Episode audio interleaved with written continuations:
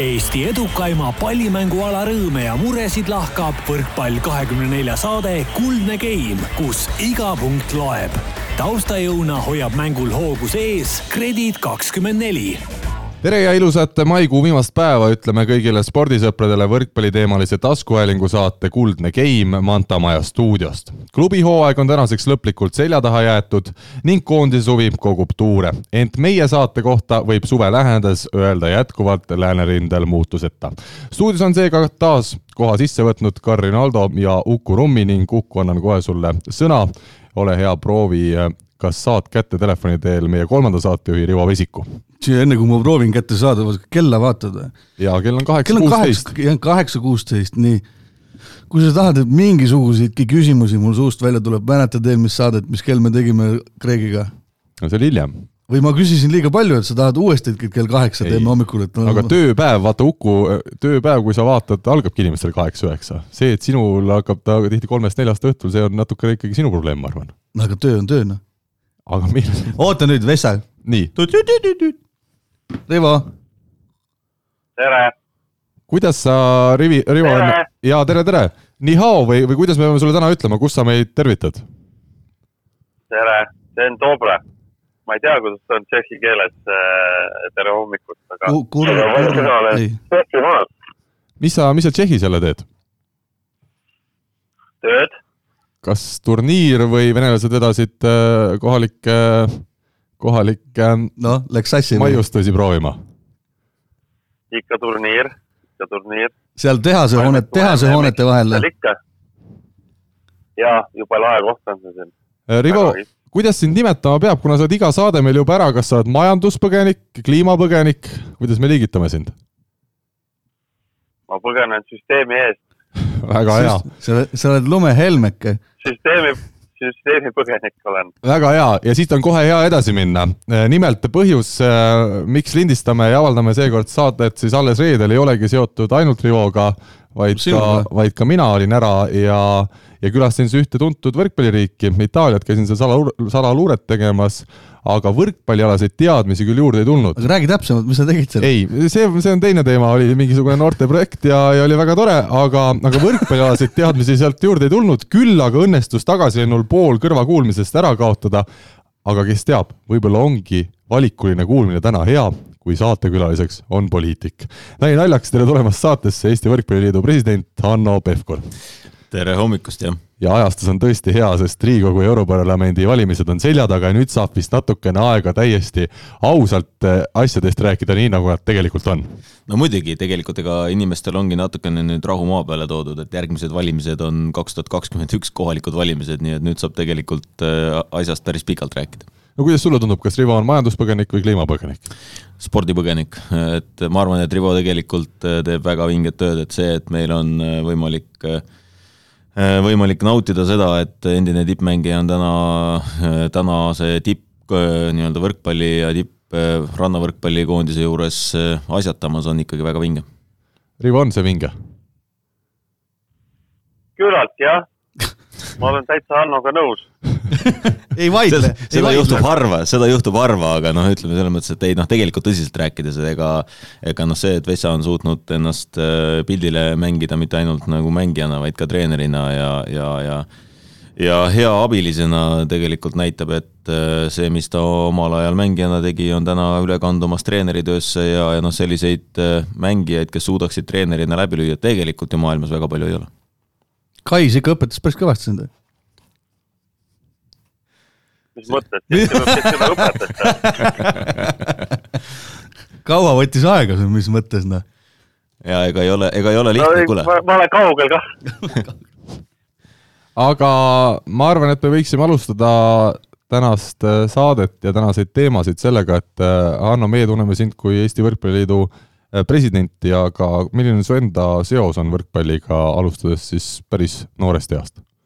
Oi, eks ma ikka mänginud olen ju palju, et selles mõttes, et äh, sporti tegelikult ju terve elu tehtud, et küll minu põhieriala päris väiksena oli suusatamine, et ja, ja seal äh, ma mäletan, see oli vist, ma arvan, et kaheksakümne kaheksas aasta jah, kui me sõitsime esimest korda, siis ma olin üksteist, et sõitsime Eesti esimestele meistrivõistlustele Haanjasse ja siis kõik äh, olid Krapi kai ääres bussis ja kuulasid, kuidas Levandi hüppab, eks ju, ja siis kõik mäletatavasti öösel olid üleval ja ootasid, et kuidas Levandi sõidab ja siis tuli see Lumi on muinasjutt, on ju, mida Allar muuseas jubedalt vihkab, et kui keegi laulab talle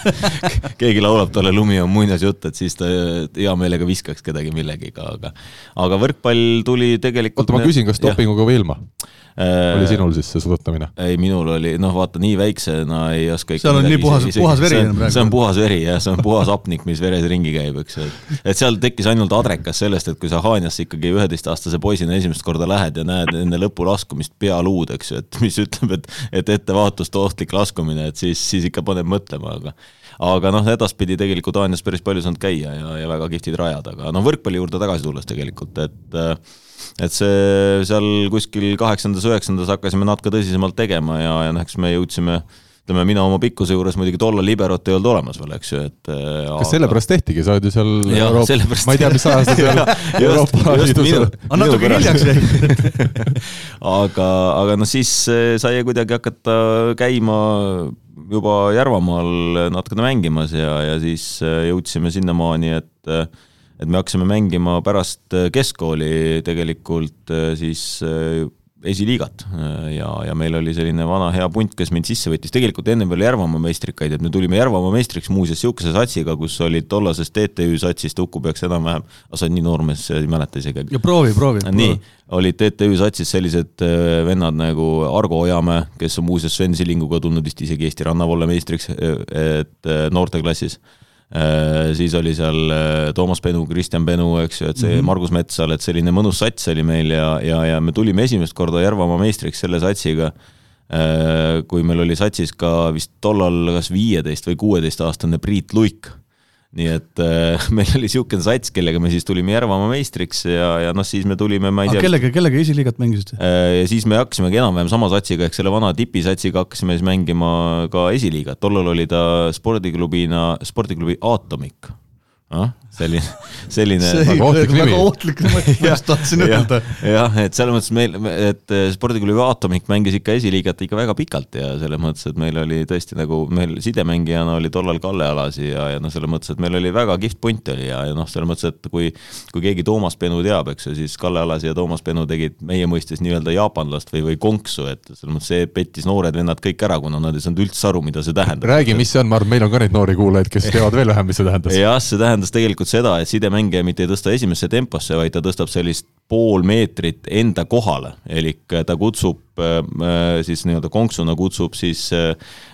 tempomängija enda peale ja läheb pärast tõstet nagu astub ise sammu tagasi, nii et noh, vastases plokis nagu üldiselt äh, lähed normaalsesse kohta plokki, kuigi peaks mängijaga kaasa liikuma, et aga. ehk siis ründaja ründ, ründaja teeb sihuke pettehüppe. jah, no jaapanlane on veel see jah, et ta teeb pettehüppe ka, eks, et aga noh, selle konksuga tähendab ka seda, et sa tõmbad nagu tegelikult sidemängija kohalt toimub see rünnak, nii et selles mõttes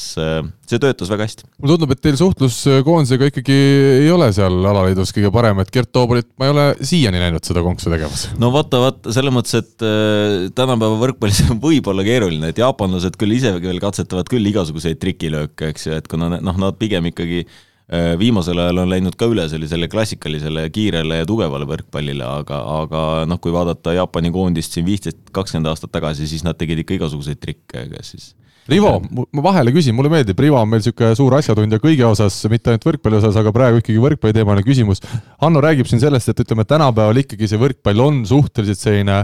ütleme siis äh, võimule ja jõule üles ehitatud, seda osavust on, on vähem. kas sina kui endine mängija, kes sa võib-olla natukene mäletad ka rohkem veel neid aegu, kui seda osavust kasutati rohkem ja sellist mitmekülgsust, kas, kas see on paratamatu, et ta on ikkagi nii võimas, et mina, kes ma olen noor mees, olen ainult kuulnud ja näinud mingeid videoid ja jutte sellest, kui huvitav see võrkpall mingitel aegadel oli, et kas sina ka nagu igatsed taga neid aegu äh,? igatsed või mitte, ma ei ütleks, et igatsen, et iga asi areneb edasi ja, ja kuhu suunda, on ju, et seda, seda ei tea kunagi, aga, aga mängijad on läinud pikemaks igasugustel trikitamistel ei ole nagu pointi. et kui sul on plokis on kolm mängijat vastus, vastas seal kaks null viis kuni kaks viisteist, siis sul ei ole mõtet mingeid riste ja asju joosta, keerulist asja ajada, sest nad lihtsalt seisavad sulle plokki all. et pigem aetakse täna taga kiirust ja jõudu, tõsted on kõrged ja, ja kiired. et sellega üritatakse jõuda sinnani, et sul ei ole kahte plokki ees, aga kui vaadata, vaadata meistrite liiga finaale ja asju, siis noh, tänapäeva võrkpallis on väga harva, harva, kui sul on rünnak ühe ploki vastu, et üldiselt toimub see, toimub see siis, kui rünnatakse paipi, on ju, kus ongi nii, et põhimõtteliselt sul see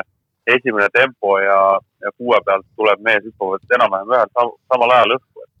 Ja tegelikult hüpatakse isegi noh ne,, ütleme neli ründajat lähevad kõik koos õhku, eks ju, et eh, neli tempo no,, kaks, kaks ja paip tulevad kõik koos üles ja siis saab nuputa seal plokis, et eh, millisesse suunda siis plokki minna, eks ju, nii et, et tõsted on läinud lihtsalt aga, nii kiireks, eks.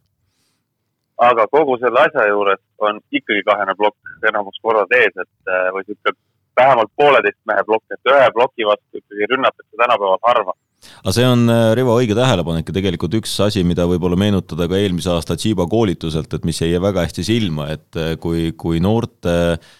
noorteklassi poisid tulid siis nagu äh, liikuma plokis, eks ju, ja, ja kui Tšiba siis püüdis nagu näidata, et kuidas plokis liikuda, et siis oli noh, hästi ilmekas oli näha seda, et kui, kui meie noored tegid sealt, ütleme noh, kui tempomängija nelja peale plokki minnes jõudis teha nagu kolm või isegi kehvemal juhul neli sammu siis tegelikult Shiba tegi selle aja jooksul kaks sammu, et tegelikult, et noh, see jalgade töö on ikkagi ülioluline plokis ja kui kiiresti sa sinna nagu nurka jõuad, eks ju, noh, mängu lugemine sinna juurde, aga lihtsalt põhimõtteliselt, et see tehni-, tehniline pool on selles mõttes ülioluline ja ja noh, sa pead jõudma ja noh, vaadates täna näiteks ka Leoni rünnakuid, siis tegelikult ta ei ründa, ütleme, no nad ju joonistavad äh, ühe asetuse niimoodi, kus äh, Atanasievitš liigub tegelikult kahe peale ja ja nelja pealt rünnakul ei ole kedagi, aga üllatuslikult läheb tõste nelja peale ja seal tegelikult viie pealt ründab Leon, eks. et see on nagu selles mõttes, et noh, tippmängijate puhul täna ei ole vahet, et kui lüüakse paipi, noh siis suudetakse ka viie pealt rünnata samamoodi nagu ründata, tavajuhul ründaks iga normaalne inimene nelja pealt, eks. Läheme ajas natuke tagasi Äh, meenutame, meenutame sinu äh, lapsepõlve, Hanno, äh, milline see sportlikus mõttes välja nägi ja kust sa täpselt siis pärit oled? no ma sünnipäraselt tegelikult olen Ida-Virumaalt, et ma räägin sellega ühe loo ka, et tollal, kui Eesti Vabariik taas nagu ilmavalgust nägi ja, ja hakati Eesti passi välja andma, et siis ma sain ka endale uue passi ja ja, ja siis äh, tollal oli passides nagu kaks eraldi tulpa, et oli, oli nagu praegugi, et te leiate passist on sünnikoht ja siis on sugu aga tollal oli need vahetuses, et, et kõigepealt oli sünnikoht ja siis oli sugu. nüüd on sugu eespool ja sünnikoht eh, tagapool ja aga noh, kuna tollal oli vahetuses, siis see tähendas seda, et mulle kirjutati passi alguses välja, et et Kohtla-Järve rajooni Iisaku. aga see oli liiga pikk, eks ju, et ei mahtunud ära, siis lühendati, pandi Kohtla-Järve rai punkt Iisaku ja see oli ikka liiga pikk, mille tulemuseks oli see, et, et mul oli sünnikoht oli Kohtla-Järve Rai ja sugu oli Iisaku M. Ah ja see oli arvatavasti üks, üks põhjus, miks nagu tegelikult passidest toodi siis sugu ettepoole ja sünnikoht nagu tahapoole, et. no kuule, ma ütlen vahele, Rivo, me oleme leidnud tõelise influencer'i, mulle tundub, et, et Hanno on siin ikka väga-väga palju elus Eesti, Eesti asju mõjutanud ja, ja nagu näha ka maailma asju, et see libero värk tuli ja, ja kõik muu, et me oleme tõeliselt sellise influencer'i täna saatesse saanud saanud, ütleme, kuigi influencer oli ta juba aastate eest, ma ei tea, palju ta täna on, aga, aga, aga jätkame teemat. aga minnes nagu lühidalt edasi, et siis me perega kolisime mingil hetkel Järvamaale ja noh, ma oma gümnaasiumi või keskkooli tollal lõpetasin äh, Järvamaal ja noh, nagu ma ütlesin, siis seal mingisugune ports aastaid, ma ei mäletagi, kolm või neli aastat tulime Järvamaa meistriks võrkpallis ja, ja ma tulin, minu, minu nii-öelda sportlaskarjäär äh, suusatamises lõpetas, lõppes siis Järvamaa noortemeistritiitliga suusatamises ja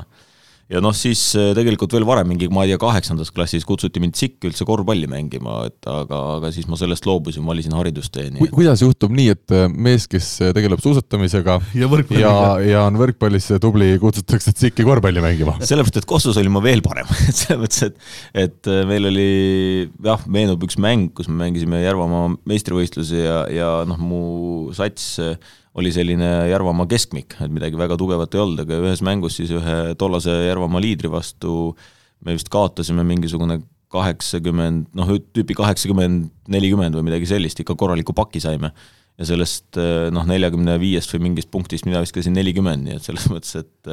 et on, on ka selliseid hetki ette tulnud, aga, aga noh, sa saad aru, et äh, tänapäeva korvpallis isegi kui sa oled Sten Timmusokk, eks ju, et, et siis ikkagi meeter kaheksakümnest jääb nagu väheks tipptasemel mängima, Maxi Pouks ei ole, eks et noored ei tea, kes on Maxi Pouks, aga meie veel teame. aga Maxi Pouks oli legendaarne NBA mees, kellel oli pikkust vist meeter kuuskümmend kolm või midagi sellist ja ta suutis ka pealt panna ja teine vend selline oli Spad Web, nii et olid sellised kaks ja kolmas kaks... oleks olnud NBA-s Hanno Pevkur kes sind kutsus tsikki? oh kurja, vot see, selle koha pealt ma jään küll vastuse võlgu, et see oli nagu, mõtlen, see oli nagu nii ma arvan, me peame üle kontrollima need faktid pärast tee, tee seda ja et, et ma arvan, et neid mehi enam ei ole tsikis ka, et tsikkigi pole vaata enam, et, et, et no vot ja siis eks sealt Järvamaalt edasi ma liikusin ju Tallinnasse, Tartusse kahte kooli korraga käima, ehk siis seal esiliigat äh, sai mängitud mingisugune kahte kooli korraga? ma käisin jah, Tallinna Majanduskooli õigust ja Tartu Ülikooli õigust nagu koos, et et see on vist ikka. ja siis vahepeal mul oli väga, väga tore aasta oli mul üheksakümne üheksas aasta, et siis ma olin juba üheksakümmend kaheksa lõpp, üheksakümmend üheksa, kus ma olin juba siis, ei, üheksakümmend kaheksa algus, kus ma olin veel Tallinna Majanduskooli kohe-kohe lõpetamas ja siis ma läksin äh, nii-öelda praktikale tööle oma koduvalda Järva-Jaani ja siis seal oli mul veel äh, siis kaks naabrivalda palusid ka endale juristiks mind ja, ja siis tuli koolidirektor, ütles, et kuule, nüüd on jama lugu. poistel pole kehalise kasvatuse õpetajat, et nüüd tuleb kehalise õpetajaks ka tulla, siis ma olin ühesõnaga, mul oli neli töökohta ja kaks kooli korraga mingil perioodil, et oli põnev aeg. ja, ja juhilube polnud? juhiload ikka ah,. Okay. Need ma tegin juba kuueteistaastaselt, need nii-öelda titekad, nii et selles mõttes, et tollal sain neid teha. multitalent põhimõtteliselt. mina ikka küsin nüüd seda, et kas üheksakümnendatel aastatel oli neid ähm, öö, ööpäevast tunde üle kahekümne nelja vist või? No natukene, aga mitte palju, et selles mõttes, et eks eh, igal ajal omad võlud, et üheksakümnendatel me kõik möllasime ikka kõvasti, nii et eh, need, kes tegid äri, need eh, kasvasid hirmsa tempoga ja, ja need, kes püüdsid siis kuidagi jalgu alla saada, et need tegid siis ka maksimumi. no Rivo proovis jalgu alla saada, ma saan aru, ikkagi tantsupõrandal üheksakümnendatel. Ei ole, mina andsin Pärnus peksa inimestel sellel ajal ja ma arvan, õnneks, õnneks on see kuritegu aegunud praeguseks, nii et. aga õnneks on neid, tuleb välja, et Pärnus neid järgijaid, Rivo järgijaid on veel siiamaani alles. Oota, aga mis on, ööklubid, Rivo, Rivo, aga mis ööklubid tollal Pärnus juba olemas olid, et Sugar oli juba olemas. Seal ei pidanud klubis peksa andma ju, tänaval peal sellel ajal oli Sugaris oli äh,, Sugari asemel oli kas kino või turg, ma mäletan, aga ikka vana hea Sunset oli ja, ja Mirage ja no ikka siuksed legendaarsed kohad. väga hea, aga. üheksakümnendate lõpp Pärnus oli väga tore aeg sõltub, kelle vaatest, eks. ja noore Rivo jaoks kindlasti. nii, ja selliste teemadega hakkab kohe Rival kohisema aga, aga Hanno, kuidas sa võrkpalli juurde jõudsid, kuidas, kuidas see välja nägi? tead, see oli selline üsna loomulik protsess, et äh, meil gümnaasiumis äh, noh, nagu ikka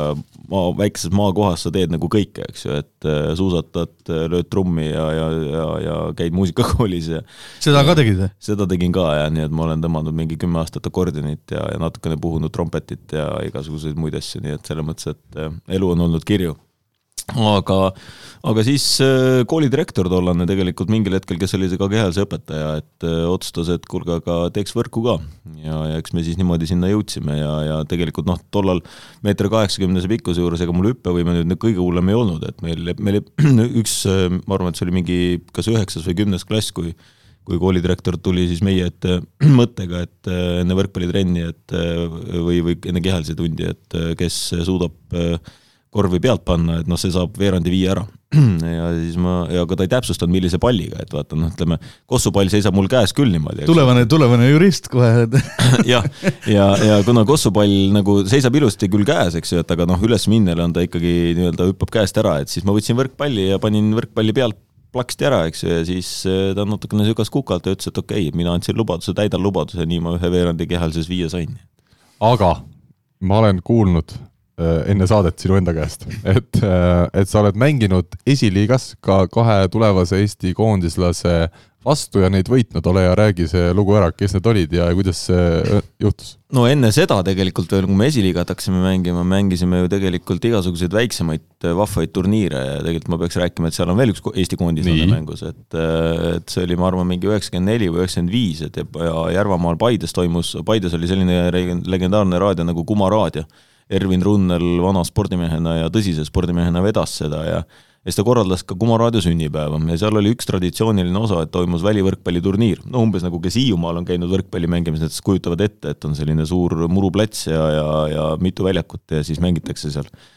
ja, ja siis äh, me käisime ka seal regulaarselt mängimas ja üks aasta istus meil vastas äh, Gert Toobal nagu sipsti, et ma, ma arvan, et seal oli ka Tarmo Neemelo veel, nii et selles mõttes selline,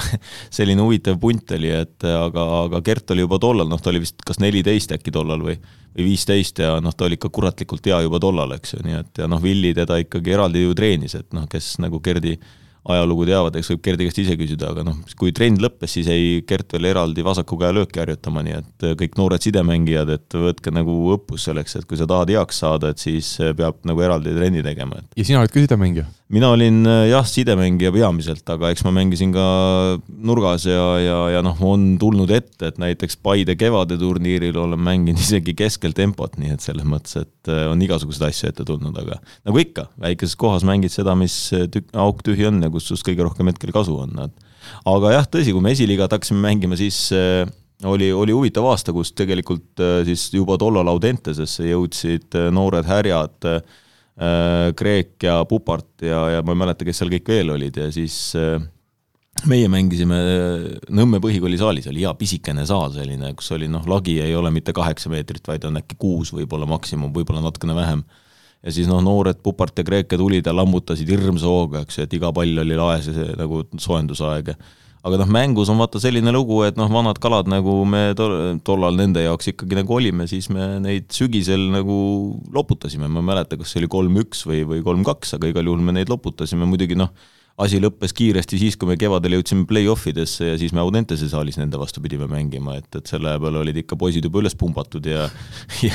ja, ja suures saalis muidugi meil nende kõrguse vastu midagi teha ei olnud, aga, aga noh, selles mõttes selliseid huvitavaid seikasid esiliigast ikka meenub. kas äh, tol hetkel, noh, ma ei tea, palju sa tol hetkel üldse mõt-, mõtlesid sellise asja peale, aga kas siis oli näha, et Kreegist ja Võpartist võib mängumees saada erinevalt siis nendest teistest Audentese meestest, kes seal vastas olid? oo oh jaa, see oli ikka näha muidugi, et noh, tegelikult äh, Pupi oli ikka tollal juba väga-väga hea, et selles mõttes, et äh, just see noh, ütleme, kuidas, kuidas nelja pealt kiiret palli lüüa, et seda on nagu Pupi alati ju hästi teinud, eks ju, ja, ja noh, Munaga selles mõttes, et Muna on omaette figuur üldse, et noh, mina mäletan ta veel, veel teda ajast, kui ta ka Brassi all mängis, nii et selles mõttes, et noh, nendest võib rääkida legendaarseid lugusid, aga ma arvan, see mikrofoni,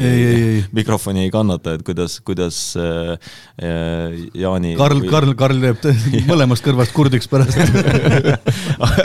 Aga olgu sellega, kuidas on, midagi peab jääma saladuseks ka, nii et selles mõttes, et on olnud huvitavad aegu, jah. Rivo, ega sind ometi seal esiliiga võistkonnas vist äh, tol hetkel ei olnud, muidu ei oleks ka seal Nõmme saalis, ma arvan, kaotanud sellel hetkel veel ei olnud jah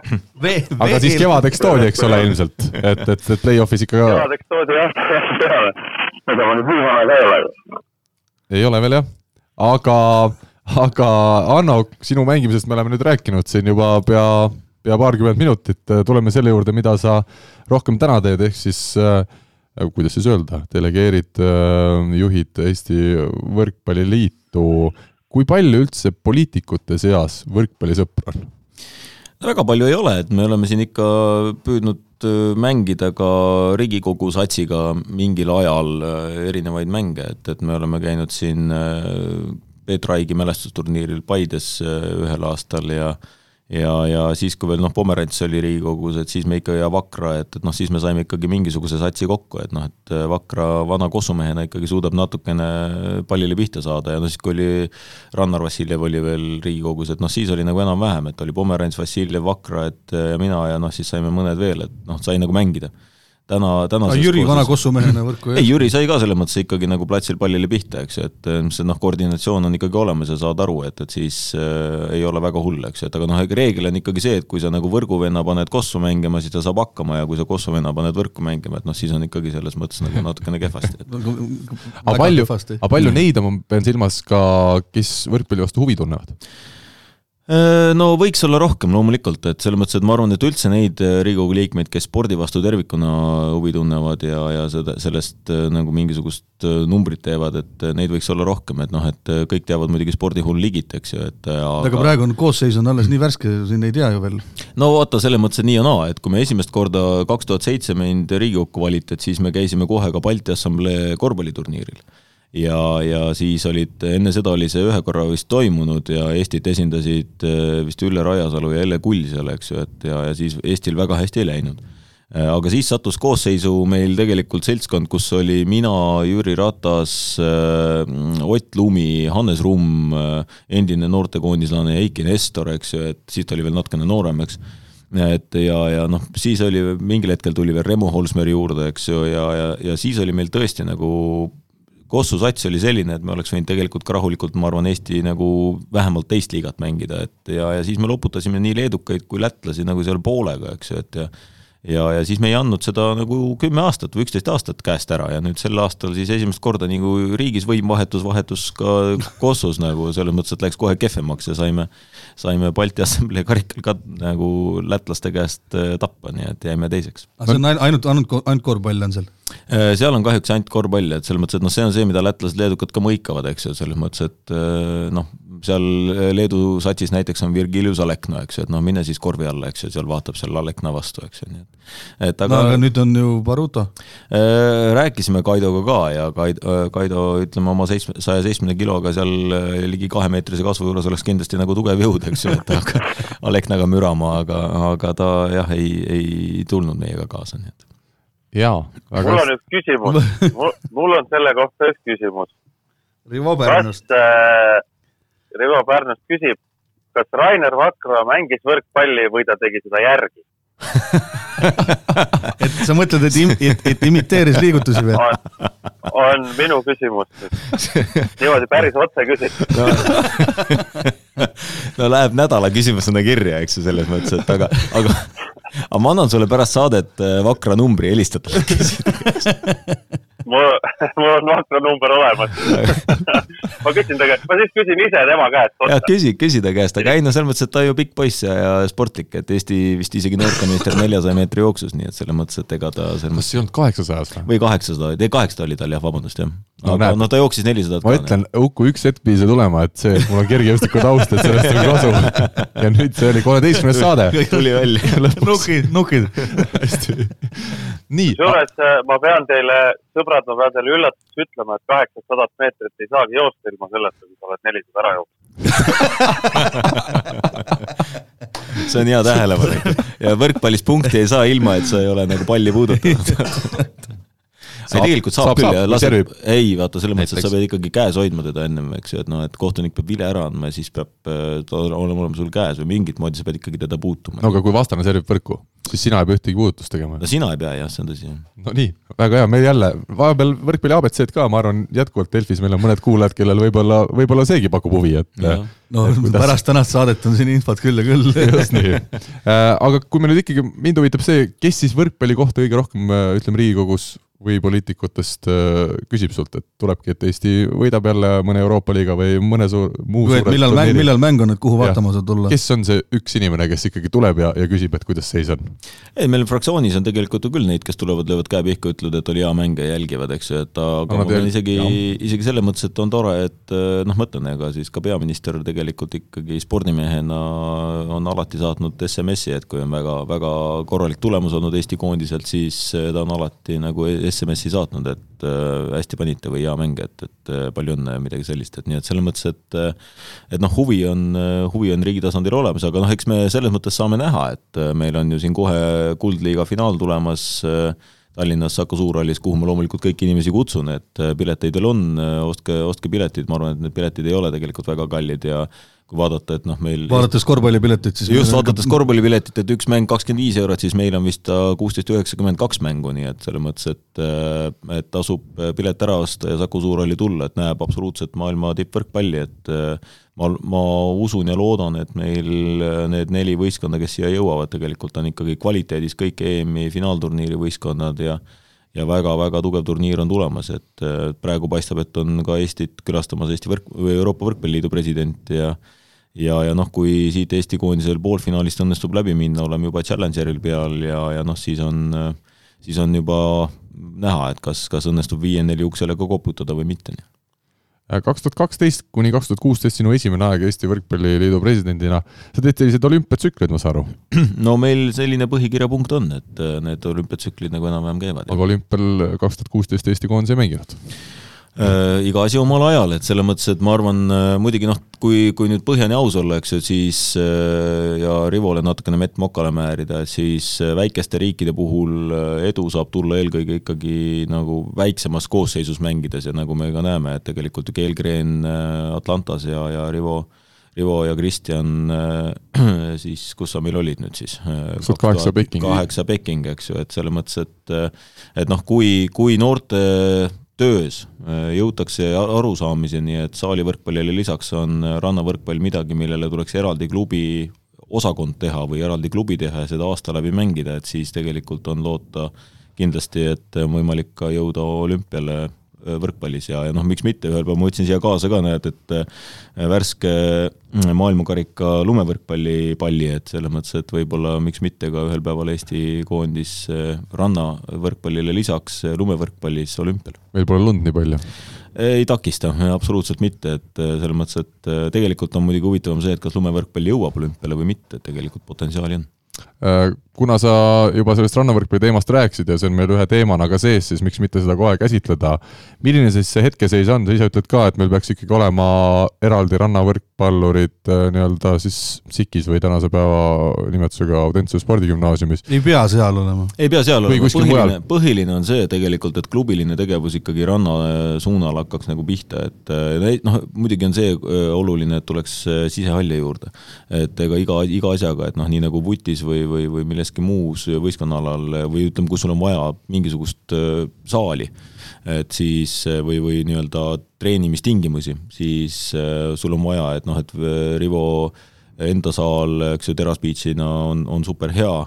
nüüd sai valmis Õismäe sportmängude hall, eks ju, et meil on Nõos on sisehall, aga aga seda on veel vähe, et, et sellist laiemat kandepinda saada ja noh, ütleme tõsiselt saab rääkida ikkagi siis, kui aasta läbi tegeletakse ikkagi sellesama ühe alaga, et see, need ajad on ammu möödas, et kui keelkreen tulid saalist ja läksid olümpiale, eks ju, et noh, et juba, juba Rivo ja Kristini ajal oli tegelikult ju see, kus nad ikkagi sada protsenti ajast olid ainult rannas ja, ja noh, ütleme selle eelduseks on see, et klubides hakkab töö pihta, ükskõik, kas see on siis nagu kaks, kolm või neli paari, aga, aga noh, ütleme sellist kuus kuni kaheksa poissi oleks igal juhul vaja selleks, et selle grupiga tööd teha ja siis on võimalik rääkida ka sellest, et tekib kvaliteet. no tõsiselt... lät-, lätlaste pealt on kõvasti õppida, lätlastel toimib see süsteem väga hästi. jaa, absoluutselt, ja noh, see on ka näha, eks ju, et selles mõttes, et Läti olümpiahõbedad, eks ju, et noh, ikkagi super tulemuse ja väikese pronks. riigi kohta, oli pronks jah, vabandust, näed, vana inimene enam ei mäleta kõike, eks ju. aga seda mina ei ütelnud. jah, no oli, pronks oli jah, õige. E, aga, ja noh, näed, nüüd on nad jälle paare vahetanud, eks ju, Vessa näeb seal karussellis neid ju tihti ja nad on ikkagi head, eks ju, nii et selles mõttes, et aga noh, see tähendab ka seda, et sa kuskilt maksad lõivu, eks ju, et ka Äh, kui meil oleks, ma ei tea, näiteks Kollo Venno oleksid jäänud äh, randa pärast MM-tiitli võitmist juuniorite klassis, et noh siis oleks saalikoondis teine? siis oleks saalikoondis teine ja, ja või, aga võib-olla oleks meil täna äh, olümpiavõitjad olemas, eks ju, selles mõttes, et noh, sa kunagi ei tea seda, eks ju, et aga no baas on see, et sa pead nagu ikkagi tegema aasta läbi seda kui tõsiselt Eesti Võrkpalliliit täna selle nimel tööd teeb, et need, see rannavõrkpall siis aastaringseks muutuks ka noorte seas, sest ma saan aru, et see äh, algus peab ikkagi Võrkpalliliidust tulema, et luua mingi süsteem, et klubidel oleks äh, motivatsiooni ja tahet üldse hakata rannavõrkpallurit koolitama. No see on nii ja naa, et mina ikkagi olen sügavalt seda meelt, et alt üles see süsteem on parem kui ülevalt alla, et ja eks meil teisel juunil nüüd äh, kohe-kohe enne Hollandi mängu on ka üldkoosolek, et eks me siis räägime jälle enne Hollandi mängi on naiste mäng? Jaa, Eesti-Sloveenia ka. ai, ai, ai, ai, ai, ai. see on tõsi muuseas ja, ja aga ma ütlen, et enne veel naistemängu on üldkoosolek, enne üldkoosolek on veel juhatuse koosolek et äh, aga, aga eks me seal jälle käime nagu toimkonnad eraldi läbi ja, ja selles mõttes, et vaatame sellele teemale otsa, kui ma, ma olen viimased vähemalt, ma ei tea, kolm-neli aastat rääkinud sedasama juttu, et noh, et klubid peavad aru saama, aga vaatame, meil noortetreenerid, no ütleme, eks me peame võib-olla jah, alaliidu poolt seda süsteemi äh, Äh, muutma natukene ka rahastamise poole pealt, et kuidas me noorte raha muidu läheb parajaks võitluseks teil. jah, et muidu, et muidu täna on nagu see, et noh, noored ükskõik, kas me võtame siin Jaan Brassi või, või kes iganes meil noortetreenerid tublid on, eks ju, ütlevad, et noh, et aga mul ei ole nagu otsest vajadust nagu noortetööga eraldi rannas tegeleda, sellepärast et ma teen äh, talv läbi saalis ja siis lähevad mu noored ja võidavad Eesti meistritiitli rannas, eks ju, et selles mõttes, et äh, noh see, sel hetkel, kuni tekivad esimesed klubid, kes võtavad rannas puhta töö, kes ei lase saalimängijatel nii-öelda üle mängida ennast, et siis, siis kindlasti tekib võib-olla see nagu murdepunkt ka, aga eks me saame natukene push ida alaliidu poolt ka. Rivo, sinu hinnang sellele kogu olukorrale? Äh, minu arvamus on see, et Eesti klubid äh, ei hakka seda tegema, kuna see ei ole neile rahaliselt kasulik. Lätis teevad seda täpselt need mehed, kes äh, ajavad ainult rannavõrkpalli asju, seal ei ole saalivõrkpalliga mitte mingisugust pistmist. absoluutselt mitte mingisugust, ükski saalivõrkpalliklubi ei, ei oma rannavõrkpalli mängijaid Lätis. kolmandaks on jah, noh ma olen selles suhtes nõus, et, et rannas on lihtsam teha tulemusi kui, kui saalis, lihtsam leida mängijaid. Aga äh, siin kohapeal ma tahaks küll, et alaliit võiks ikkagi aeg-ajalt sekkuda. seesama Märt Tammearu teema täna on äh, see, mis on minu jaoks täielik müstika.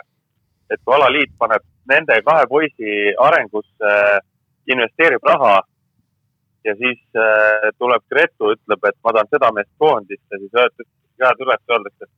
aga las ta läheb, see on tema enda valik. kus võiks natukene kergelt suunata, öelda, et ei, et ta ei tule see aasta, et tema mängib see aasta, tema eesmärk on ranna EM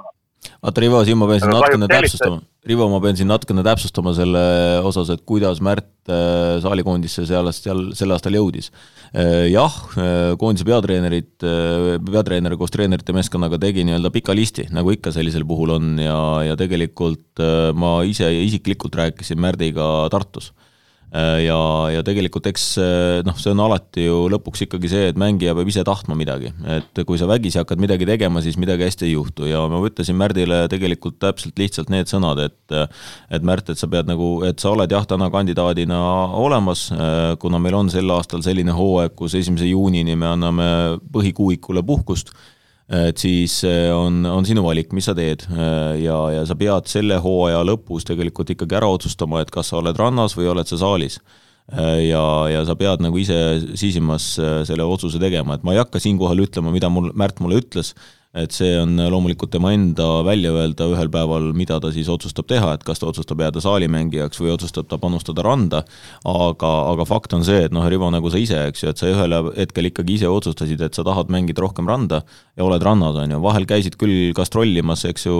saalis ka isegi finaalturni või selle äh, play-off'ide ajal, eks ju, et aga aga ma olen sügavalt seda meelt, et mitte ühtegi mängijat ei saa panna vägisi mängima seda, mida ta ei taha. Ja, ja loomulikult see peab olema taust ja keskkond peab olema selleks, et teha. Aga lõpuks peab ikkagi Märt selle otsuse langetama ja, ja noh, siis ka kellega koos, et kas on siis Timo või, või kellega ta koos siis mängima hakkab, aga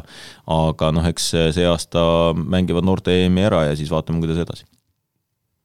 aga minu, minu arvamus selle koha pealt on see, et juba see hetk näitab, et Märt ei tahtnud tulla see aasta randa ja siis tuleb leida tema asemel keegi teine. et sel-, sellele ei ole mõtet, nagu sa ise ütlesid, et et sellel tänapäeval ei ole mõtet, et noh, nii palju, siin olen saalis, on ju nüüd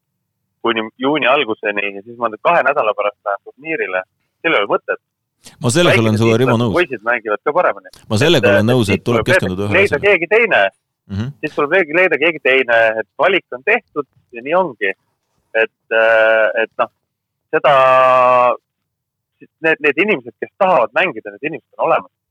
Sellega ma selles mõttes, et olen Rivo nõus et, et tuleb, et mängima peavad need, kes mängida tahavad ja meil on üldiselt nagu nii-öelda ka saalikoondises nii nii naistel kui meestel tegelikult üks lihtne põhimõte, et noh, mängitakse nendega, kes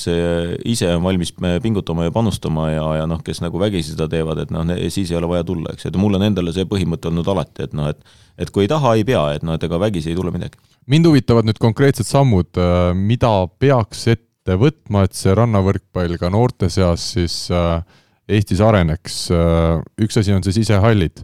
aga, aga mis võiks nüüd olla see esimene asi, mina näen näiteks äh, siit kõrvalt vaates kõige lihtsam on ikkagi see Audentese spordigümnaasiumisse leida näiteks, ma ei tea, neli kohta kokku poistele ja tüdrukutele, kasvõi siis esialgu üks paar, eks ole, mõlemad hakkavad treenima, neile antakse terases äh, see iga päev üks mingi tund, eks ole, või, või no, poolteist tundi. ühe paariga ei tee midagi, eks ju, selles mõttes, et igal juhul on vaja nagu minimaalselt kahte paari, tegelikult ikkagi peaks olema nagu kolm paari, et keegi on alati kuskil haige ja nii edasi, et selles mõttes, et äh, ja noh, nagu me teame, ega ikkagi noh, kolm paari tähendab tegelikult kahte võistkonda, eks ju, et kaks pluss üks on ju, et selles mõttes, et noh, kui natukenegi hakata trenni tegema, et, et siis peaks ikkagi kolm paari tegema, jah, Audentes võiks olla esimene, aga ikkagi ma olen selle sügavalt, noh, ütleme seda, seda toetan, et meil tekib ükskõik, kas siis on nad, nagu Rivo mainis Läti eeskujul, et on eraldi klubid, äh, mis ongi rannaklubid äh, või, või siis on, ja sinna peab tekkima siis samamoodi nii-öelda sama põhimõtteline rahastamine, nagu on saaliklubidel või siis tekib tänaste klubide juurde, noh näiteks TTÜ teeb oma TTÜ Beach'i näiteks, eks ju, et, et see, miks mitte, eks, et selles mõttes, et noh, see on see, mida tuleb äh, ajada ja kindlasti ma olen nõus sellega, et äh, sinna tuleb selles mõttes nii-öelda samadel alustel, nagu on saalis, tuleb leida noorterahad peale. kui tõsiselt seda Audentese asja on räägitud, uuritud, kaalutud? on muidugi, mitu aastat oleme rääkinud juba seda, aga eks see on jälle see, et mille, kuidas meil olümpiakomiteega tuleb spordikohtade tellimus, eks ju, sinna peale ja ja, ja üks, mis nüüd olümpiakomitees me väga tõsiselt ajame, on ju teatavasti Team Estonia. ja, ja see Team Estonia projekti raames tegelikult peaks ka võrkpalli natukene lisaraha tulema, muidugi mille eeldus on see, et meie ri-, nüüd ei taha poliitikast rääkida, eks ju, et, et äh, riigieelarvest tuleb Team Estoniale nagu toetus peale ja siis tuleb ka võrkpallile natukene ja siis saaks tegelikult selle asja võib-olla kännu tagant liikuma aga mina ikkagi, mina tunnistan, et ma ei näe seda, seda võimalust, et mingid klubid tekivad niisama tühja koha pealt äh, mina näen, et see peab tulema Võrkpalliliidu poolt või siis EOK poolt ja, ja kõik kokku, et ma no,, ma tõesti, ma olen, ma olen jube skeptiline. viis see... aastat tagasi ei näinud keegi, et tekib Saaremaa võrkpalliklubi, eks ju, selles mõttes, et noh, et alati on olemas keegi vedur, kes hakkab seda vedama, eks ju, et eh, noh, kümme aastat tagasi keegi ei mõelnud, et eh, või ma ei mäleta, palju see oli, eks ju, et, et Raigo Tatrik võtab pisikeses kiilis nagu ette vedada spordiklubi Tatsi ja ehitab aga seal on vähemalt olemas mingi võrkpalliklubi või mingi, või Eestis on võrkpall, saalivõrkpall olemas, aga ma mõtlen, kui peab tulema nullist, keegi peab hakkama hakkama rannavõrkpallidega tegelema, hästi kallis on niikuinii see, eks ole, sees selle halli rentimine, kui sul sees ühtegi turniiri noortel ei ole talvel, noh, kust see peaks tulema, ma mõtlen. aga ei, see oota, oota, ma, ma, ma tulen nüüd, ma korraks segan vahele ja ma tulen selle juurde tagasi, et sa räägid, Hanno, sa räägid Saaremaa võrkpalliklubi tekkimisest.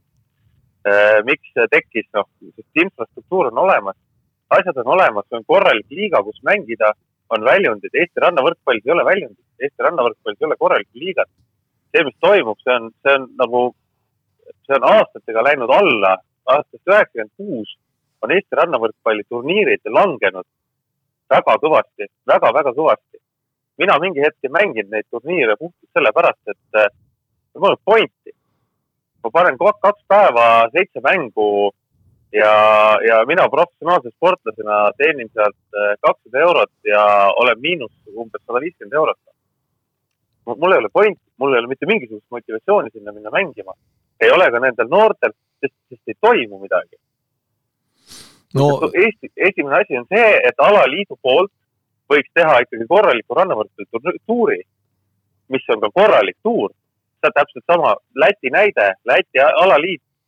teeb tuure, mis on äh, vähemalt kahekordse eelarvega kui, suuremad kui Eestis. korralikud teleülekanded, kõik asjad, mängijaid tuleb peale, sest mängijaid huvitab, nad tahavad mängida nendel turniiridel, neil on olemas väljund, Eestis meil täna ei ole mm. -hmm jah, okei okay,, selles mõttes, et ei, mul põhimõtteliselt äh, raske sulle vastu vaielda hetkel, eks ju, et igal juhul äh, tuleb äh, siis äh, see vähemalt järgmisest hooajast ära teha, selle hooaja graafika ja, ja kalender on ju paigas, eks ju, et aga aga noh, see, ma ütlen, et see eeldab nagu tegelikult ka seda, et meil on tõesti võimalik sinna finantse panna, eks, et me leiame lisatoetajaid, on selle nimel iga aasta ju töö käib, et noh, et et ühest küljest võiks öelda, et noh, et Võrkpalliliidu eelarve on siin viie aastaga praktiliselt kahekordistunud, et noh, tegelikult ikkagi päris ül-, noh, nagu tugev kasv on olnud, teisalt ka kõik muud kulud kogu aeg kasvavad, eks ju, et ja, ja noh, tegelikult see nii-öelda netoraha, mille sa saad panna siis võistlustesse, eks ju, et see, see on ikkagi suhteliselt nagu pisku, et eile eile siin teletegijatega rääkides nad ütlesid, et noh, telereklaamiturg on nagu nii kokku kuivanud, eks ju, et noh, et siis ongi nagu raske, eks ju, et, et ei tule ka noh, telest toetajaid nii palju peale, et see on nagu selline noh, lõputu selline ratas, milles keerelda, eks ju, et aga, aga noh, fakt on see, et kui me tahame saada paremat tulemust, siis tuleb rohkem investeerida, see on lihtne nõus sinuga. jah, ja aga kui sa ütled, et sa oled viie, viis korda on eelarve tõusnud, kui palju on sellest rannavõrkpalli eelarve tõusnud? Äh, noh, numbritesse panna, eks me võime vaadata seda, eks ju, et võib-olla tõesti nii palju ei ole tõusnud, eks ju, et mitte ma ei öelnud viis korda, vaid viie aastaga kaks korda. et lihtsalt fakti täpselt. viie aastaga kaks korda, noh jah, jah, et äh, siis äh, siis minu, minu andmete järgi see rannavõrkpalli eelarve väga tõusnud ei ole, et ta on kogu aeg olnud ühel ja samal kohal, natukene võib-olla liigub ülesse, aga protsentuaalselt võttes saalivõrkpalli ja rannavõrkpalli toetus tase on kolossaalne vahe. ja täna, seda tuleb möönda, ega ma seda ei eitagi. järgi oli see, minu mäletamist järgi oli see umbes eelarvest rannavõrkpallile äkki viis protsenti või natuke vähem võimalik, ma peast praegu äh, numbreid ei tea, aga ma ütlen, noh, ütleme, ma möönan loomulikult seda, et täna on minu, minu arvamus on see, et minu arvamus on see, et siis, siis nagu millestki arendamisest me räägime, ei saagi millestki mingist arendamisest rääkida, tegelikult on üks suund ja ongi kõik natukene anname sinna, läheb randa ka. nii, Rivo kadus vahele. Läheme ja ongi kõik. Rivo, ütle, ole hea, oma kaks viimast lauset uuesti, meil kuidagi katkes su heli. ma ütlesin, et, et noh, et kui, kui kogu protsendist on viis protsenti läheb rannavõrkpallile, siis eh, on ilmselgelt võetud üks suund, saali võrkpall ja nii ongi. et ja, siis ei ole üldse mõtet rääkida mingisugustest arendamistest mingisugustest asjadest, et äh, siis äh, kui alaliit tuleb välja, meie, meie huvi on saalivõrkpall, rannavõrkpall meid äh, tegelikult väga ei huvita. me teeme miinimum selleks, et rannavõrkpall toimiks ja, ja siis siis on selge, siis ongi selge. ma ütlen ainult ühe kommentaari, et Rivo, et selles mõttes, et tõsi on see, et äh, fookus ja ütleme nii-öelda põhi, põhiaur on läinud täna saalile, eks ju, et eelkõige tegelikult kõige rohkem protsentuaalselt tegelikult on kasvanud naiste ettevalmistuse raha. ja naistekoondis on saanud kõvasti, kõvasti nii-öelda ressurssi peale aga, aga tõepoolest, et kui me võtame näiteks kaks lihtsat näidet, et noh, Norras saalikoondis praktiliselt pole olemas. Äh, täna maailma parim paar on norrakad, eks ju, et äh, jube noored poisid, eks ju, Molsöörum, et, et ja, ja noh, Läti samamoodi, eks ju, et olümpiamedalistid, noh, sa-, saalis tegelikult meil ei ole lätlastega ikkagi praktiliselt probleeme olnud ikka väga pikka aega, eks ju, nii et selles mõttes, et noh, tõsi on see, et sinna, kuhu sa fookuse ja raha suunad, sealt tuleb ka tulemust. Islandi jalgpalli näide teine, eks. aga mind huvitab veel kord see, et aga, aga, aga, aga lätlaste, lätlaste puhul puhul ei ole alaliiduga mitte mingit pistmist. lätlaste mm. puhul ei ole alaliiduga mitte mingit pistmist. ma vaatan nüüd. puhas oma teema. ja nüüd me ütlesime siin just, et peaks alaliit tegema. Samoilo Svedins, Samoilo Svedins äh, ja Plavin Stoks on puhtalt oma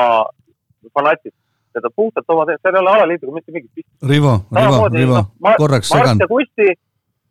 Äh, segan äh,, aga alaliiduga on ikkagi see seotud, et kõik need suurvõistlused, mis seal on olnud need noorte U kaheksateist EM-id, äh, meeste, naiste täiskasvanute EM-etapid, äh, CEF-i challenge'id, mis iganes, aga need on kõik ikkagi läbi alaliidu ju Lätti läinud. mis, no, mis ei, popo, popo... läbi alaliidu, läbi alaliidu, läbi alaliidu nad peavadki minema, sest need ise teha ei saa. no aga, aga, aga nii-öelda see aitab ikkagi aga..., aitab kaasa nagu sellele nii-öelda populariseerimisele ja nii-öelda kandepinda seal kasutada. aga, aga Uku, ja, ja, et selles suhtes on õige, on ju, et neid turniire tuleb teha aga toetajad ja enamus rahastust tuleb eratoetajatelt ja, ja seda asja ajab seal Andris, üks, üks pisike väike ärimees, kes ajab ja, ja tema poolt on see huvi. ühesõnaga Eestis pole veel Andrist tehtud? ega ma, ma, ma, ma räägin äh, ju lätlastega igapäevaselt ja nende poolt on täpselt sama, alaliit neid ei toeta, neid ei aita. alaliit andis eelmine aasta neile kakskümmend palli ja see oli kogu moos aga minu küsimus on siin ikkagi nüüd see, et äh, mis võiks olla täna see järgmine samm, mida võib, ütleme, alaliidu poolt äh, öelda, et nüüd seda me teeme, et äh, Eesti rannavõrkpall just kasvõi siis noorte osas, et ta hakkaks arenema, et oskad sa täna midagi sellist no, no konkreetse sammu tegelikult on ikkagi see, et seesama, et me vaatame, kas, kas meil on võimalik teha sama, sarnane pearaha põhimõte, eks ju, et noh, et kui tegelikult on, ma mõtlen, kui tekib näiteks TTÜ Beach on ju, et siis sinna tegelikult noorte peale tekib samasugune pearahasüsteem või ütleme, võrreldav pearahasüsteem, nagu meil on täna noorte saalivõrkpallis, eks. sest ega muidu ei tegi, ei teki kellelgi väga huvi. just, et no mõtlesin, et kui, kui see, see süsteem nagu tegelikult meie poolt nagu paika panna, eks ju, et siis võib-olla tegelikult see ei ole ka nagu selles mõttes kuidagi meile kulukam, et me lihtsalt noh, me võib-olla näeme seda, et noh, näiteks viiekümnest mõne, mõne võrkpallikooli viiekümnest poisist kümme lähevad äh, randa mängima ja tegelikult nii-öelda summa summarum, et meil ei tule ran-, noh, nagu mängijaid nagu juurde, aga me teeme lihtsalt valiku, et näiteks äh, viiest neli mängivad saalis ja üks mängib randa, eks ju, või noh, kümnest kaks, eks ju, nii et selles mõttes, et ja võib-olla see, see annab nagu selle boost'i sinna, et hakata klubide tasandilt tööle, siis nagu Rivo õigesti märkis, et järgmisel aastal siis natukene vingem rannasari ja hakkame noortest pihta ja tegelikult ja noh, kolmandaks, mida ma siin ise olen püüdnud ja aidanud eest vedada, palusin ka Rivo sisendit sinna, mis Rivo ka andis, et Euroopas me oleme teinud uue nii-öelda rannavõrkpallistrateegia, et seal ei ole veel küll jah, tõepoolest ka samamoodi lõpuni rahastust peal, aga vähemalt nelja aasta nii-öelda tegevused on paberile pandud aga kus see, kui see, ütleme, see rahaline värk tuleks sinna klubidesse, ütleme, mis siis tekiks, võtame sellesama TalTechi Beachi näite siin, kui selline asi peaks tekkima, kust see raha tuleks ja ütleme, mis see siis väljund oleks sellel talvel, sellel, nendele noortele? Ega ma ütlen veel kord, meil on ju täna noorteraha olemas, küsimus ongi selles, eks ju, et kas me noh, me võime ka ju öelda seda, et see noorteraha, mis meil täna on, eks ju, et, et kui kui näiteks klubi tahab kõike seda kätte saada, et siis me ütleme, et noh, näiteks kümme protsenti sellest rahast peab minema randa, eks ju, et noh, et, et meil on administratiivseid meetmeid ka selle suunamiseks. küsimus on selles, et kas kas me oleme selleks valmis, kas klubid on selleks valmis, eks ju, et ma mõtlen, et siiamaani on ka väga paljude treenerite suhtumine olnud, mis ma olen nagu üldkogul alati kuulnud, on see, et noh, et miks ma peaksin minema eraldi randa tegema, kui ma saan nagu tegelikult sama tulemuse rannas Eesti meistritiitli näiteks kätte niimoodi, et mul lähevad saali poisid mängivad randa, eks ju, et, et noh, see on nagu natukene selline mõttemaailma muutus võib-olla tegelikult ka ikkagi noorte treenerites Äh, alaliidu poolt, eks kõik peavad panustama selleks, kui me tahame saada endale noh, vähemalt kaks-kolm äh, maailma tasemel või vähemalt sellel tasemel paari, kes suudab mängida kolmandast tärnist ikkagi ülespoole turniire ka. aga see plaan, ütleme, on ja see nägemus on, et Eesti Võrkpalliliidus leitakse äh, siis ütleme, lähiaasta jooksul märgatavalt raha juurde just rannavõrkpallile? ma, ma veel kord ma ütlen seda, et võib-olla see ei tähenda seda, et me nagu märgatavalt peame juurde leidma, vaid me ütleme seda, et noh, kui me räägime noortest, meil on kaks eraldi poolt, eks ju, et on noortevõrkpall, kus tegelikult on meil pearahasüsteem ju tegelikult olemas, eks ju, ja siis on nagu professionaalne võrkpall selles mõttes, kus on turniirid, et ja noh, kui meil on nagu väljundit ja, ja pointi teha talvel turniire, siis meil ei ole ka talvel probleemi teha ju kolm, neli või viis äh, etappi, et selles mõttes, et äh, ükskõik, kas me teeme siis, noh, me võime päeva lõpuks teha ka Teras Beachis, eks ju, Teras Beach, Haabersti, äh, Nõo, eks ju, et ja võib-olla tekib veel kuskile sisehall, eks ju, et selles mõttes, et noh, et kui need on, need on juba nagu olemas meil täna, siis me saame ka nagu mängida nii-öelda võistlusväljundina seda ja, ja, ja noh, leida sinna võib-olla ka siis uut väljundit toetajate poolt. Rivo, kas me oleme sellele teemale joone alla tõmbamas? Äh, üks küsimus veel. kui nüüd Mart ja Kusti peaks saama EM-i finaalturniirile, kas alaliit maksab neile ettevalmistustoetust? Äh, ma usun küll, jah. ma pean leidma seda, loomulikult ma ütlen. väga hea, siis äh, seitseteist juuni on see kuupäev kui on asjad selged. no väga hea, ma. aga ilmselt, aga ilmselt, saavad peale, nii et. ei no selles mõttes, et suurepärane, kui saavad, eks. ei ole ultimaatum, ei ole ultimaatum, ma lihtsalt ütlen, et, et praegu on. seitseteist juuni on see kuupäev. Rivo, sa tead selles mõttes väga hästi, et, et noh, et ütleme noh, EM kindlasti ei ole nagu rannas võrreldav MM-i või, või, või siin isegi olümpiaga, eks ju, et aga, aga noh, EM kindlasti on oluline turniir ja, ja noh, ütleme ilma, ilma selleta noh, ma ei tea, mis sa ise hindad, et kas EM-i võrreldes nagu näiteks Tärni Äh, karikatega, et noh, et, et mis ta on, et EM kolmanda tärni veab välja või ei vea või? EM on äh, saalivõrkpallis täpselt samamoodi mitte võrreldav MM-i ja olümpiaga nagu rannas. No vaata, natukene äh. siiski on, sellepärast et EM, kui sa võtad EM-finaalturniiri ja MM-i, noh, et ütleme nüüd, nüüd meil hakkab vist saateaeg varsti otsa saama, aga, aga näiteks saali MM-i kvalifikatsioon muutus ja ma pakun, et uuel, järgmisel saali MM-il Venemaal kakskümmend kaks mängib Euroopa tiimidest kõvasti rohkem satse kui, kui seni ja ma pakun, et vähemalt kümme Euroopa satsi on, äh, on MM-il järgmisel aastal või isegi rohkem või, või selline isegi neliteist, kuni neliteist Euroopa satsi saab äh, teoreetilise võimaluse MM-ile peale saada. Ja.... mina EM-i, ranna EM-i nii maha ei teeks, et paneks kolm tärni, ma paneks kas neli pluss või viis miinus. ei, ma, ei ma küsisingi, sellepärast ma ütlengi, et ma, tähendab, see sõltub väga palju sellest, kes tulevad, on ju ei no mis, kes tulevad, Euroopa tipp tuleb kohale, keskmine tase on kõrgem kui MM-il. seda puhtalt sellepärast, seda puhtalt sellepärast, et CVB poliitika on selline, et anda Aafrikale ja hästi paljudele riikidele kohti.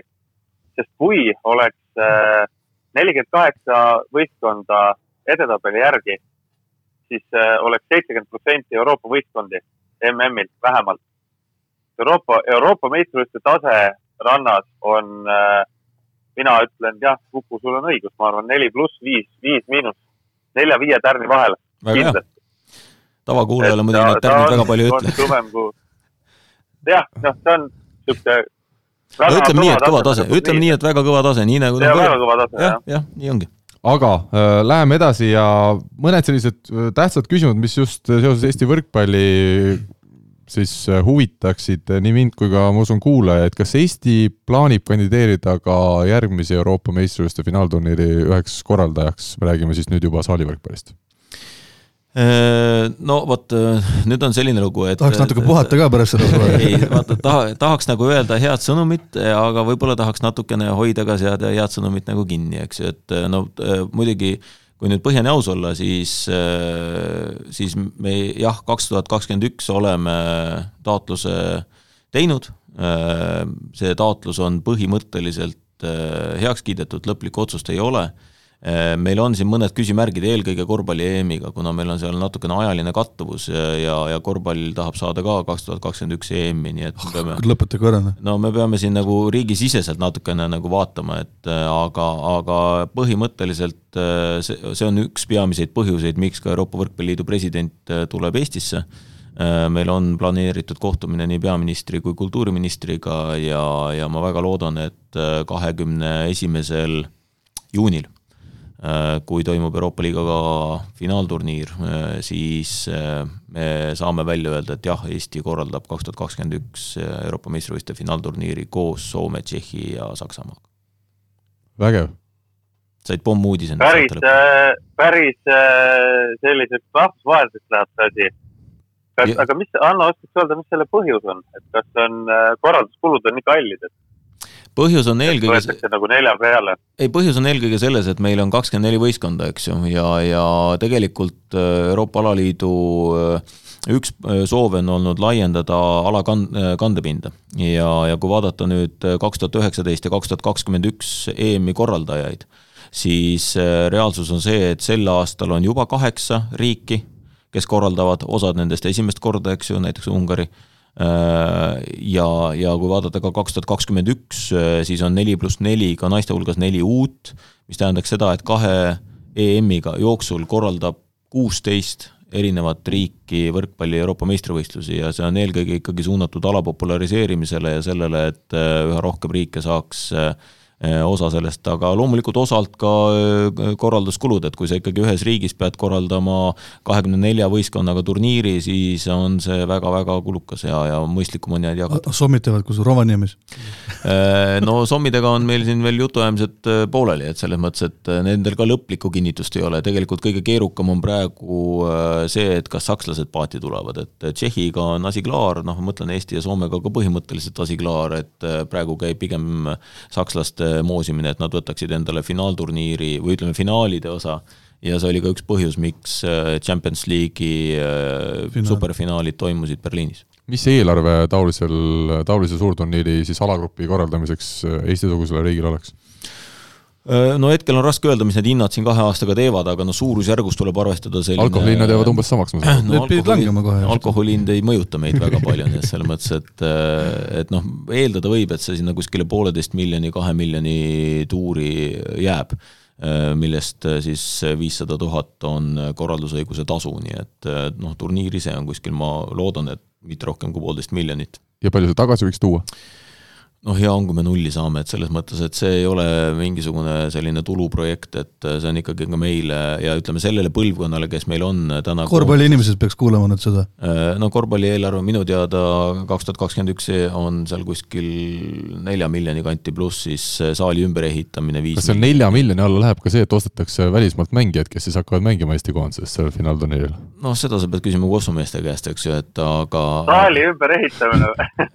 väga no, hea huumor olnud Äh, no viis milli. Äh, Rivo, nii on, et selles mõttes, et äh, korvpallis on karmimad nõuded saali mahutavuse koha pealt, et minu teada on seal kümne tuhande koha nõue ja, ja kui nad Saku Suurhalli kümne tuhande kohaliseks ei ehita, siis ei ole ka kohta, kus mängida. kui, kui Euroopa ah,. tõsi see, ma mõtlesin, et sa tegid nalja, ma mõtlesin, et sa tegid selle A Le Coq Arena. ei, ei, ei, ei, Rivo, ma ei teinud, ma ei teinud ah, nalja, ma ei teinud nalja. vabandust, vabandust. ei, ei, ma ei teinud nalja, et selles mõttes, et see nõue, nõue on seal tõepoolest kümme tuhat kohta saalis, aga, aga see sõltub nüüd tõesti sellest, et äh, kas Euroopa korvpalli või siis FIBA Europe on valmis tegema Eestile erandit, eks, et äh, aga, aga noh, seda näitavad äh, lähinädalad, et kas ja kuidas, et hindamisvisiit minu teada ka Kossu meestele on ära käinud aga noh, eks me püüame siin äh, nagu kuidagi mõistuse pärast äh, sellist äh, suhtlust hoida ka Korvpalliliiduga, et äkki õnnestub kuidagi saada kokkuleppele, et me teeme võrkpalli kakskümmend üks ja äkki siis Kossu mehed võtavad väikse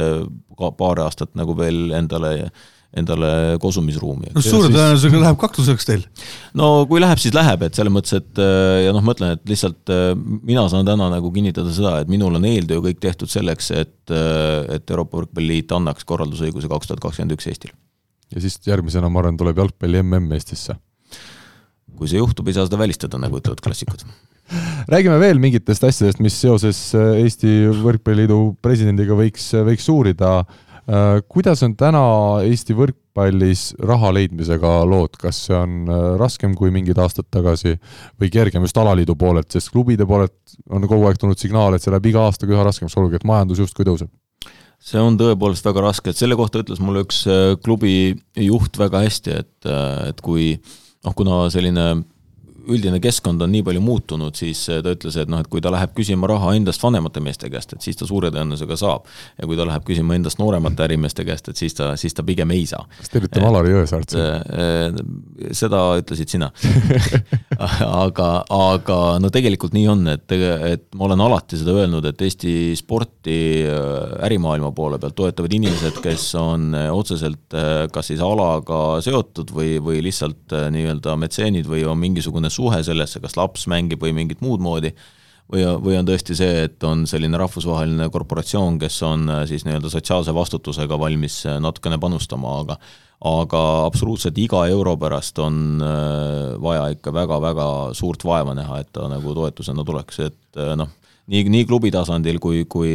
kui alaliidus, et alaliidus me saame pakkuda ju koondise väljundit ja teatavasti koondis noh, hooaeg läbi ei ole, nii et äh, ei, ei ole lihtne, aga kui keegi tunneb, et Eesti võrkpall vajaks arendamist, kas või rannavõrkpall ja ütleb, et, et noh, et tuleb nii, et nüüd ma soovin panna rannavõrkpalli näiteks viiskümmend tuhat eurot, et äh, kas või ma ei tea, siis mitme aasta peale. Äh, kõik, kõik uksed on lahti ja, ja me oleme alaliidus äh, valmis ka otsima neid nii-öelda vastu väljundeid ükskõik kas reklaamis või, või, või, või muul moel, et tulla ja olla paadis täna ikkagi Eesti kõige edukamal võistkonnaalal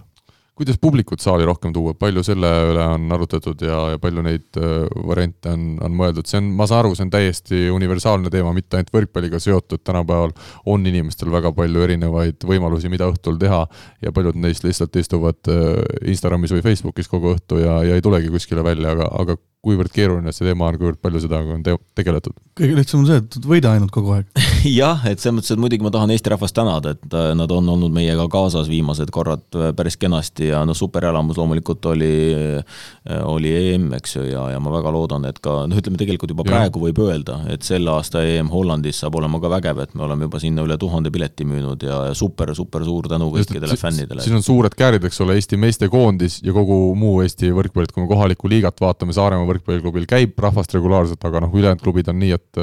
mm. isegi no. päris niisugused kesk, keskse mängija kakssada pealtvaatajat vahel. no meil on äh, jah, selles mõttes, et see on Eesti liiga nagu äh, selline atraktiivsuse küsimus kõikidel aladel, et ega Kossus ei ole midagi rohkem, eks ju, et ja, ja jalgpallis, kus nagu tegelikult ju liiguvad veel suuremad rahad, eks ju, et, et seal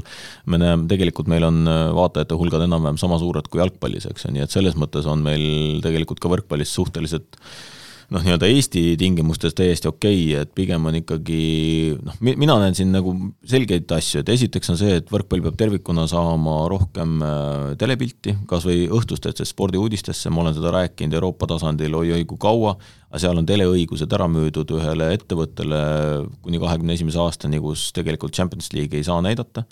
õigemini küsiti mu käest, et ma ütlesin, et, et noh, ma tahaks saada nagu, kui veel Pariis mängis, eks ju, Championship ja, ja kui siin on, kui Rene oli Trentos ja, ja nüüd Belhatovis, et noh, et äkki me saame noh, kümme sekundit või kakskümmend sekundit klipi ise valida, siis küsiti mu käest selle eest põhimõtteliselt kolmsada eurot per klipp, on ju, et nii et selles mõttes, et noh, selge on see, et Rahvusringhäälingul seda raha ei ole, et sellisel kujul, nii et noh, see on see, kus meil Euroopa tasandil on vaja võidelda iga päev, et võrkpall oleks rohkem pildis et meil oleksid olemas staarid nagu Ronaldo ja Messi, et no meil on olemas need staarid, eks ju, ükskõik, kas sa võtad Ervin Kabeti või, või võtad Wilfredo Leoni või, või Mihhailovi või kelle iganes, et noh, need staarid on olemas, aga rahvas neid väga ei tea. Äh, ja, ja noh, siis on äh, loomulikult see, et, et noh, meie enda see liiga tegelikult atraktiivsus, noh, mida me mõtleme siin täna, jälle näed, uus pommuudis, et me täna kaalume ja otsime võimalusi, et teha soomlastega ja lätlastega ja võib-olla minu unistus on veel kaugemale minna, teha Põhja-Euroopa liiga, äh, et kus mängiksid võib-olla ka üks või kaks klubi Rootsist, Norrast, miks mitte Taanist ja Eesti, Läti, Soome Äh, võib-olla ka siis üks klubi Leedust, et teha selline nagu Nordic Baltic League, eks ju, et äh, mis kunagi korvpallis Neeblil oli, eks ju. ja sai päris kiiresti läbi? Äh, sai, aga, aga nüüd ongi see, et noh, ütleme, seal on nagu hästi oluline jälle see kulude pool, eks ju, et tegelikult kui me suudame sinna atraktiivseid toetajaid leida, eks ju, et siis, siis võib-olla on see võimalik. see aitab ainult võrkpalli populariseerimisele kaasa ja noh, siin on nagu samme, kuidas publikut rohkem tuleks aga, aga noh, me peame ise olema head. Ja, ja ma väga loodan, et ja kutsun veel kord üles, et ikkagi kaks, kakskümmend üks, kakskümmend kaks juuni inimesed kõik äh, Saku Suurhalli kohale, et meil on äh, tõesti võimalik näha maailma tippvõrkpalli siinsamas Saku Suurhallis ja, ja kahe päeva jooksul neli tippmängu. Kasutan ära võimaluse ja uurin ka siis äh, ise ajakirjanikuna olles seda võimalust, et ütleme, Robert Täht järgmine aasta peaks mängima Perugias, Euroopa, maailma absoluutses tippklubis enam kõrgemale pole, pole võimalik minna ja oleks seal põhimees, kas siis ikkagi teeme kõik koos ära selle, et, et need mängud siis meistrite liigas või siis ka Itaalia liigas hakkaksid jõudma mingil imekombel televaatajateni või siis kas või veebi vahendusel, on see, on see realistlik eesmärk? No arvestades täna neid kontakte, mis mul on äh, õnnestunud nii Euroopa alaliidus kui, kui maailmas nagu tekitada, siis täna meil ei ole mitte ühtegi inimest, keda me maailma võrkpallis äh, vähemalt kahe telefonikõnega kätte ei saaks, nii et äh, noh, ma arvan, et sa ise mäletad ise väga hästi, et kuidas me ja. tõime nagu olkumängu siia, eks ju, ja, ja, ja noh, eks küsimus ongi pigem selles, et kas Robi. me saame või Robbie mängu jah, vabandust, Izmiri mäng oli meil, et, et kui me kui me suudame saada kokkuleppele nende tootjatega, kes seal pilti toodavad nagu mõistlikes tingimustes, et see rahakotile valus ei ole, et siis, siis on võimalik see loomulikult teha, nii et ütleme noh, tehnilises mõttes ei ole mingit probleemi, meil on kõikide kontaktid täna olemas, isegi ma mõtlen, ma tahaks alustada sellest, et ma saaksin õhtustesse spordiuudistesse, nii nagu AK spordiuudised näitavad NBA klippe. Siis ma tahaksin, et müstika. jah, et, et ma tahaksin, et meil oleksid tegelikult äh, igapäevased, noh, kui need mängupäevad on äh, ülevaated sellest, mis Champions League'is on toimunud ja, ja väike katteplaan, aga, aga noh, see tähendab seda, et tegelikult meil tekib Euroopasse uus partner või, või, või see leping saab läbi, aga see saab alles kakskümmend üks läbi. mina olen jälle, võib-olla olen liiga sinisilmne, et, et just peaks tekkima inimesel, Eesti inimesel harjumus, nii nagu ta on harjunud vaatama iga nädal korvpalli, kas või mingit Euroliigat, mingit Eesti liiga keskseid mänge või, või nagu jalgpalli, noh, niikuinii vaadatakse meistrite liigat, Inglise liigat kõige enam, eks ole, et peaks tekkima harjumus vaadata maailma tasemel võrkpalli iga nädal, et ütleme, ongi, meil on iga nädal Itaalia liigast Robert Tähe mäng, see on korralik ülekanne, seal on, ma ei tea, kümme-viisteist kaamerat, seal on videokordused, eks ole, see vaidevõimalus, meie mees on seal sündmuste keskpunktis, et kui inimene hakkaks iga nädal saama sellist võimalust, et ta näebki, ta paneb teleka käima, tal tuleb Robert Tähe mäng, Perugia mängib seal luubega, et siis tal tekib harjumus ja arusaam sellest võrkpallist ka, et kui äge mäng see tegelikult on, et tavainimene võib-olla see võrkpall ei ole nii lihtne mäng kui korvpall ja jalgpall, et kui tal hakkaks see harjumus tekkima, oleks suurepärased kommentaatorid, kes seletaks lahti kõik, mis seal toimub, eks ole, et siis minule tundub, et siis võiks see Eesti võrkpalli nii-öelda äh, levik olla, olla veel palju laiem. Kindlasti ja ma mõtlen, eks me nagu ka mängukorralduse poole pealt tegelikult me noh, viimased üks aasta-paar oleme rääkinud sellest, et me ei räägi, et meil on, äh, meil on finaalmäng me räägime, et meil on sündmus, meil on event, eks ju, et noh, et tegelikult ja kui keegi juhtus vaatama nüüd Berliini superfinaali, eks ju, et noh, siis see, vaadake kas või nagu Gertrudi, Gertrud Alatare pilte. et eh, noh, ma panin Facebooki ise ka väikese video, eks ju, et selles mõttes, et noh, see, see, see presentatsioon, see event, mis sinna luuakse, see on ikkagi hoopis midagi muud ja, ja noh, see on nagu noh, seal maailma tipud, kes olid meil kohale palutud ka promotsiooni koha pealt, ütlesid, et noh, et nüüd me saame rääkida võrkpalli event'ist ja saame rääkida kui sellisest nii-öelda tõelisest sellisest nagu NBA-ga võrreldavast nagu presentatsioonist ja kõigest. et see on ülioluline, et sa tuled nagu elamust saama võrkpallisaali, mitte istuma tuima kalanäoga ja vaatama, et oi, et pall lendas üle võrgu. ma ütlen, see on täiesti teine asi, kui me vaatame, ongi Itaalia liigat oleks meil, meil on saal täis, meie mees mängib, see on tippvõrkpall, täiesti müstiliselt ilus vaata. meil see juba oli, eks ju, et ja. Renks oli ju, oli ju aga mäng... ütleme, ülekannet ei olnud selles suhtes. jah, et aga mõtleme, loodame, et loodame, et ka Reneel tuleb väga hea leping sel aastal uueks hooajaks, noh, nii Trento kui Belhatov, absoluutsed maailma, maailma tipud. kui vaadata veel nagu klubi võrkpalli poole pealt, siis tegelikult kõige suurema vaatajaskonnaga või publiku arvuga äh, klubi Euroopas äh, ja tegelikult ka maailmas viimase kümne aasta jooksul, kui kõik vaatajad kokku liita äh,, on Belhatov ja, ja selles mõttes noh, absoluutselt Palka, Belhatov on nagu nii-öelda omaette liiga ja siis tulevad äh, kõik teised ka Itaalia tipud, et kui vaadata nagu pealtvaatajate arvu, kes käivad koduliiga mänge vaatamas või kodu, koduklubi mänge vaatamas. kõik taandub lõpuks vist ikkagi rahale? paljuski on rahas kinni, aga, aga veel kord ülekanded ei ole, ei ole, ei ole odavad? Äh, ülekanded ei ole odavad jah, et selles mõttes, et sellepärast ma ütlengi, et meil on vaja noh, ütleme teeme selle nimel tööd, et meil oleks nagu rohkem mängijaid meistrite liigas ja, ja siis vaatame, et noh, alustame, kui ma mõtlen sellest, et saaks nagu needsamad meistrite liiga, vähemalt meie enda poiste mängud äh, nagu vähemalt spordikokkuvõtetesse. Äh, jaa, mis veel äh, seoses, seoses ülekannetega, kas oli mingi mõte veel, Rival ei olnud? No vot, aga siis äh, lõpetuseks ei olnud, ei olnud., Rivo, Rivo saadame nüüd siis äh, liiva peale mürama. ei ja... saada veel. meil on äh, paar teemat veel okay., Anno, aga, aga, aga jah, võtame järgmise teema kohe ette. võrkpall kahekümne nelja küsimusmängu toetab Sportland küsimusmäng, eelmisel nädalal siis uurisime seoses Ardo Kreegiga, kes meil külas käis, et milliste tulevaste Eesti koondise põhimeestega mängis Ardo koos oma esimeses meistriliiga klubis Silvesteris õige vastus, Hanno, sina ilmselt tead? Äh, tulevaste koondislastega mm -hmm, Silvesteris. Äh, no Ardo mängis seal vist, mingil perioodil oli Gert Silvesteris. oli, üks Gert Toobal. Äh, Keit Pupart oli ja ongi, ongi õige vastus, saaks lisada siia kolmeteistkümnenda nime, kes õigesti vastas, aga me ei tee seda. kaksteist õigesti vastajat ja ole hea, ütle üks number. Kuus. kuus, Kaido Mälton soovime õnne, olen äh, nii palju eemalt kuulnud, et, et Kaido ei olnud enne, enne selle, ütleme, raadiosaate ilmsiks tulekut või väljatulekut väga suur võrkpallisõber, aga nüüd kuidagi saate kaudu on temast saanud suur võrkpallisõber, nii et mul on hea meel Kaidole see äh, särk ilmselt Lõuna-Eestisse saata, palju õnne, Kaido, ja uue nädala küsimus. Mis aastast on Hanno Pevkur Euroopa Võrkpalliliidu asepresident. nii et väga lihtne küsimus, ma saan aru, et siin tuleb natuke CEF-i lehel äh, ringi, äh, ringi see on õnneks nii, see on õnneks nii keeruline. see ei olegi nii lihtne ja selles mõttes see, see on meil järgmine ülesanne. see on umbes sama keeruline kui leida volle, vollest üles live tulemust mängust. nii et kõik vastused info et võrkpalli kakskümmend neli punkt ee või äh, võrkpalli kahekümne nelja Facebooki lehe sõnumitesse paluks ja järgmisel nädalal siis selle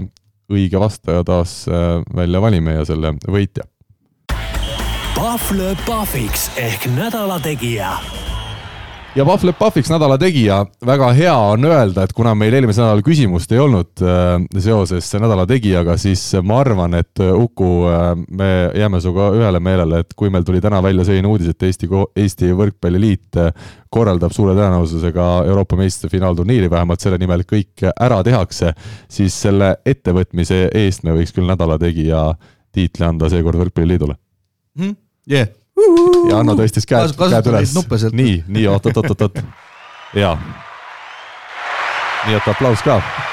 meil on saate publik. jah, loodame sama publikut vähemalt või kõvasti ei no me, me, ma loodan, et me ei hõiska enne, enne kui see asi käes on. loodame, et korvpallurid on ikka mõtlevad peaga, mitte millegi muuga. jah, ma loodan seda, et tegelikult meil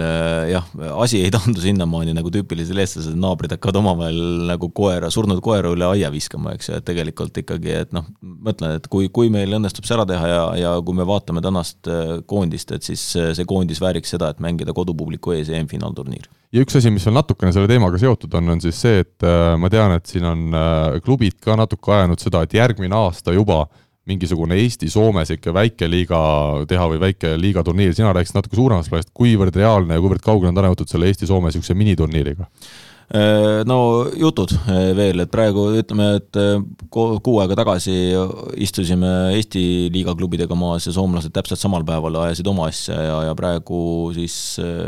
vaatame, et kas ja kui palju see tehtav on kuskil jaanuarikuus, aga vaatame, et ei luba praegu väga hea ja täna siis ma loodan, et kõik kuulajad mõistavad, et meil eraldi teemasid käsitlema ei hakka, oli niivõrd palju muud huvitavat, millest rääkida. Eesti koondised siis uuesti mängutules juba pühapäeval Tartus, Tartu Ülikooli uues pallimmängusaalis ja Eesti naiskond siis vastamisi Sloveeniaga ja mehed mängivad Hollandiga, üks, üks väga põnev võrkpallipäev peaks tulema ja ma väga loodan, et ka seal on juba publikut. sa tuled ise ka vaatama sinna? loomulikult. väga tubli. jah, kõik saali selle sõnumiga tänase saate kokku tõmbame, aitäh, Hanno Pevkur tulemast ja ilusat päeva jätku kõigile! Kuulmiseni! Eesti kõige põnevamad podcastid on Delfis, kuula tasku.delfi.ee